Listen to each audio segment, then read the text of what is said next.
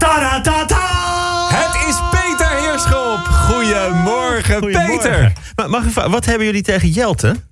Niks. Ja, helemaal niks. We houden van Jelte. Ja? Ja? ja, maar het is wel in de Nee, Ik je voel, hebt gelijk, ik voel iets, eh, Jelte, hè? dat je... eh, Ik kan het uitleggen, Peter. Ja. Eh, want jij hebt het denk ik gemist. Eh, dit is, je je bedoelt het hoofd van Jelte. Waarom die Ja, weer de lul is. En... Ja, ja, nee, ja. Dit heeft Jelte zelf aangeboden. Oh. dit is, Jel, Jel- op een of andere manier krijgt Jelte het altijd voor elkaar om zichzelf dan weer... Maar ik heb wel het gevoel dat Peter goed aanvoelt Ja, ja, dat jullie mij moeten hebben vandaag. Nou ja, als je uitdeelt, Jelte, moet je ook, eh, Ja, dat is waar. moet je ook een beetje ja nee, als je er zelf om gevraagd hebt, als, Ja. je, als je om medelijden bedelt... dan, maar ik eh, blijf het hele weekend binnen. Ik durf nergens meer. Nee, maar eh, je, goedemorgen. je plaagt alleen de mensen van wie je houdt, hè? Ja, dat, is zo is het wel. Ja, zo dat is het wel, dat ja. merk ik ook weer. Ja. En, en ja, het, het is ook wel een beetje een sukkel natuurlijk. Maar het is wel onze sukkel. Oh, Peter. Oh, nou, nou heb ik het opeens. Hoe is het met je Nee, teen, Peter? nee, de belangrijke been? zaak even Ja, met mijn been. je nou, been- ik je- moet zeggen, ik, ik had een goede. Ik heb het gevoel dat het, eh, dat het beter, dat het aan elkaar groeit. De teen. Ja, ik denk dat de, dat de boel die in elkaar is gehakt en aan elkaar gelijmd Hebben we is. het nog steeds vast- over de teen? Ja, nee, ik denk dat het goed gaat. Ja. En eh, volgende week dan gaat eh, de pin eruit. Ach, Maar dat, dat schijnt gewoon zo eruit getrokken te worden. Ja. Moet ik me daar zorgen om maken? Ja. Hij zei, eh, Nee, ik help wel even. ik zeg maar, maar dat gaat ook weer operatief of zo. Nee, dat kan ik gewoon hier. ja, gek is dat. Het zal het wel helemaal genezen zijn. En dan, eh, Ja, dan kun je gewoon een, een pin eruit eh als met halen. Ja, zoiets gaat het. Ja. Net als een saté. Nou ja, maar dat gaat er soms ook lastig uit. Dan zie je Ja. ook met je vork te duwen. En, eh, Maar ben, ben jij nou iemand die ook extra voor zich laat zorgen als hij eh, zoiets heeft? Weet je wel? De, de- nee. Schat, ga eens dit, schat, ga eens Ja, dat. ik vind, Toch een man, die kan dan helemaal niks meer. Oh, ik ben goed. Nee, dat, dat, was de, dat, eh, dat was de eerste anderhalf uur. En eh, nee, ik, ik probeer juist zo snel mogelijk weer zelf dingen te doen. En dat is lang niet altijd goed. Want ik dacht al na een paar dagen, eh, eens kijken of ik er weer op kan staan. Ja. Ja, dat was niet goed. Nee, dat moet je niet doen. Nee, nee, toen Nee. was ik weer eh, drie weken teruggeworpen. Maar, maar, maar ik, ik ga gelijk dingen doen, natuurlijk. Wat goed. Ik ontken gewoon dat er iets is. Ja, gewoon doorgaan. Ja, en dan wel een beetje... eh, tuurlijk, aanstellen zit er altijd bij. Ja. Ja, ja, ja, tuurlijk, ja, dat tuurlijk, is ja, waar. klein Dat beetje. is Hey, dus volgende week kan de pin eruit en dan, eh, dan is het lichaam weer perfect. Ja, en dan... Nou ja, nee. Wat dan, wordt de volgende dan, dan mag ik hem niet bij, Maar dan kan ik langzaam aan de skippybalrace gaan Ja, denken. dat is belangrijk. Ja, ja. dat is belangrijk. 6 oktober gaan we skippyballen en Peter is er ook, Superleuk. ook bij. Leuk. Zullen we gaan doen, Peter? We- Lieve Marianne en eh, lieve politiek, maandag 16 september in de wedstrijd PSV Vitesse heeft Donjel Malen vijf doelpunten gemaakt. Dus veel hoor, vijf doelpunten in één wedstrijd. Ik ken genoeg spelers die het niet lukt in een heel seizoen.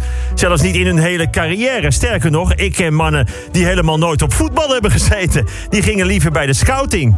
In Bussum hadden we daar een naam voor, voor dat soort jongens, maar daar gaat het nu niet om. Geweldig gedaan van Malen en dan speelt er ook nog Ihataren.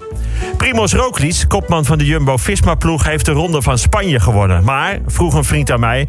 waarom moet ik daarvoor juichen? Dat is toch een Sloveen? Ik ga toch niet voor een Sloveen juichen? Ik zeg, jawel, hij rijdt voor een Nederlandse ploeg. Hij zegt, dat zal wel, maar ik zie honderd keer liever een Nederlander winnen. Ik zeg, oké, maar stel, je bent voor Ajax... en Tadic scoort dit seizoen in de halve finale van de Champions League... in de laatste minuut tegen Tottenham de winnende 3-2. Zeg je dan ook, ja, maar is een Serviër...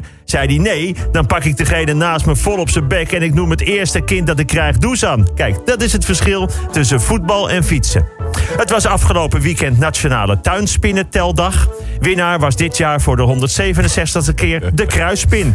De kruispin wint namelijk altijd. Maar dan zeg ik, ja, dat kan niet anders, want hoeveel andere spinnen ken je van naam? Ik bedoel, op twee staat de grote trilspin, op drie de venstersectorspin, allebei vlak voor de herfst hangmatspin en de gewone strekspin. Zeg eens eerlijk, hoeveel spinnen ken jij van naam? Ik ken naast de kruispin alleen de tarantula. Ook omdat ik iemand die ik goed ken soms die naam geef. Maar ik kan niet zeggen wie, want mijn VROUW luistert zelf ook wel eens mee. De uitdrukking Gouden Eeuw mag niet meer. Dat was allang niet voor iedereen namelijk een Gouden Eeuw. Het was ook veel armoede, maar je kunt het ook niet de armoedige eeuw noemen... want niet iedereen had het armoedig. Dus ik stel voor, haal er één letter af, noem het de Oude Eeuw. Nou, dat klopt in ieder geval en dan ben je van alle gezeik af... voor we daar weer jaren over gaan hebben. Dinsdag 17 september, het is Prinsjesdag... en dan spreekt de koning de troonrede uit. Waarom heet het dan Prinsjesdag? Noem het dan Koningsjesdag. Maar goed, daar gaat het niet om. De koning spreekt de troonrede uit met de plannen van het kabinet. Maar de tekst die hij uitspreekt is ervoor al lang uitgelekt. Nou, Dat vind ik lullig voor de koning. Die zit daar dus gewoon oude meuk voor te lezen. Ik kan me heel goed voorstellen dat Willem-Alexander volgend jaar... zo gauw hij de tekst krijgt, een paar dagen ervoor de boel gelijk opneemt... en een week eerder op zijn eigen YouTube-kanaal post... als aanpak van dat kinderachtige gelek. Kijk gewoon op Maxima Channel met de groeten van kapitein Roodbaard. Woensdag 18 september. Steeds meer sauna's in Nederland hebben tegenwoordig één of meerdere badkledingdagen. Mensen gaan gewoon niet meer graag naakt in de sauna. Het wordt steeds preutser. Het ik ken zelfs al mensen die poepen met hun broek aan. het, is, het niet naakt meer willen is al zeker tien jaar geleden begonnen in de voetbalkleedkamers. Daar werd opeens onder druk van bepaald geloof en daarmee samenhangende schaamte gedoucht in onderbroeken. Nou, ik niet hoor. Wij van STO in Bussum vonden het heerlijk om te douchen in de blote kont. Sterker nog, een aantal spelers van mijn team speelden de laatste vijf minuten al met vrij zwaaiend gereedschap. Sterker nog, dacht je echt dat onze grensrechter het laatste kwartier nog een vlaggetje had? Wel nee, die knoopte een vaantje aan zijn lul en die liep te hopen dat het buitenspel was.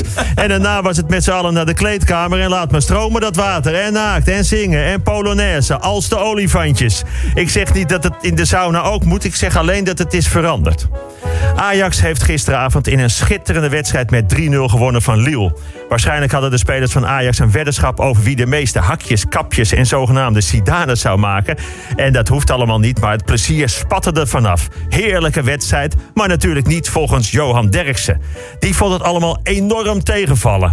Ik vermoed van Johan Derksen dat die Duitse Kroes uitsluitend gekleed in een goed geoliede ritsluiting ook nog een tegenvallend beeld kan vinden waar hij hem niet van omhoog kan krijgen. Johan vindt waarschijnlijk dat films van Tarantino het niveau van Bassie en Adriaan niet overstijgen. Hij vindt Van Gogh een middelmatige vingerverver en Nadal en Federer eigenlijk meer camping-badmintonners dan zogenaamd fantastische tennissers. Zal allemaal wel, ging ook best veel mis, maar het was een heerlijke wedstrijd. Donderdag 19 september nog even over de troonrede. Ik weet niet wat Johan Derksen ervan vond. Ik vond het wel een goede troonrede. Bijvoorbeeld het volgende stuk, ik lees nu voor, net als de koning.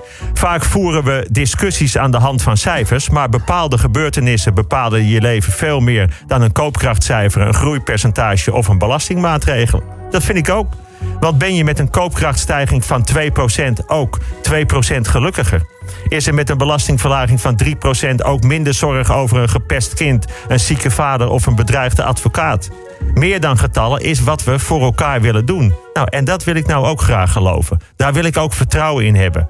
Zeker, de troonrede is nog niet uitgesproken. Of je weet al dat de oppositie het niks vindt. Geert Wilders noemt de plannen van de regering verschrikkelijk. Lilian Marijnissen noemt de troonrede een misser. Volgens Henk Grol zijn dezelfde mensen weer de grote verliezers. Het is allemaal zo voorspelbaar.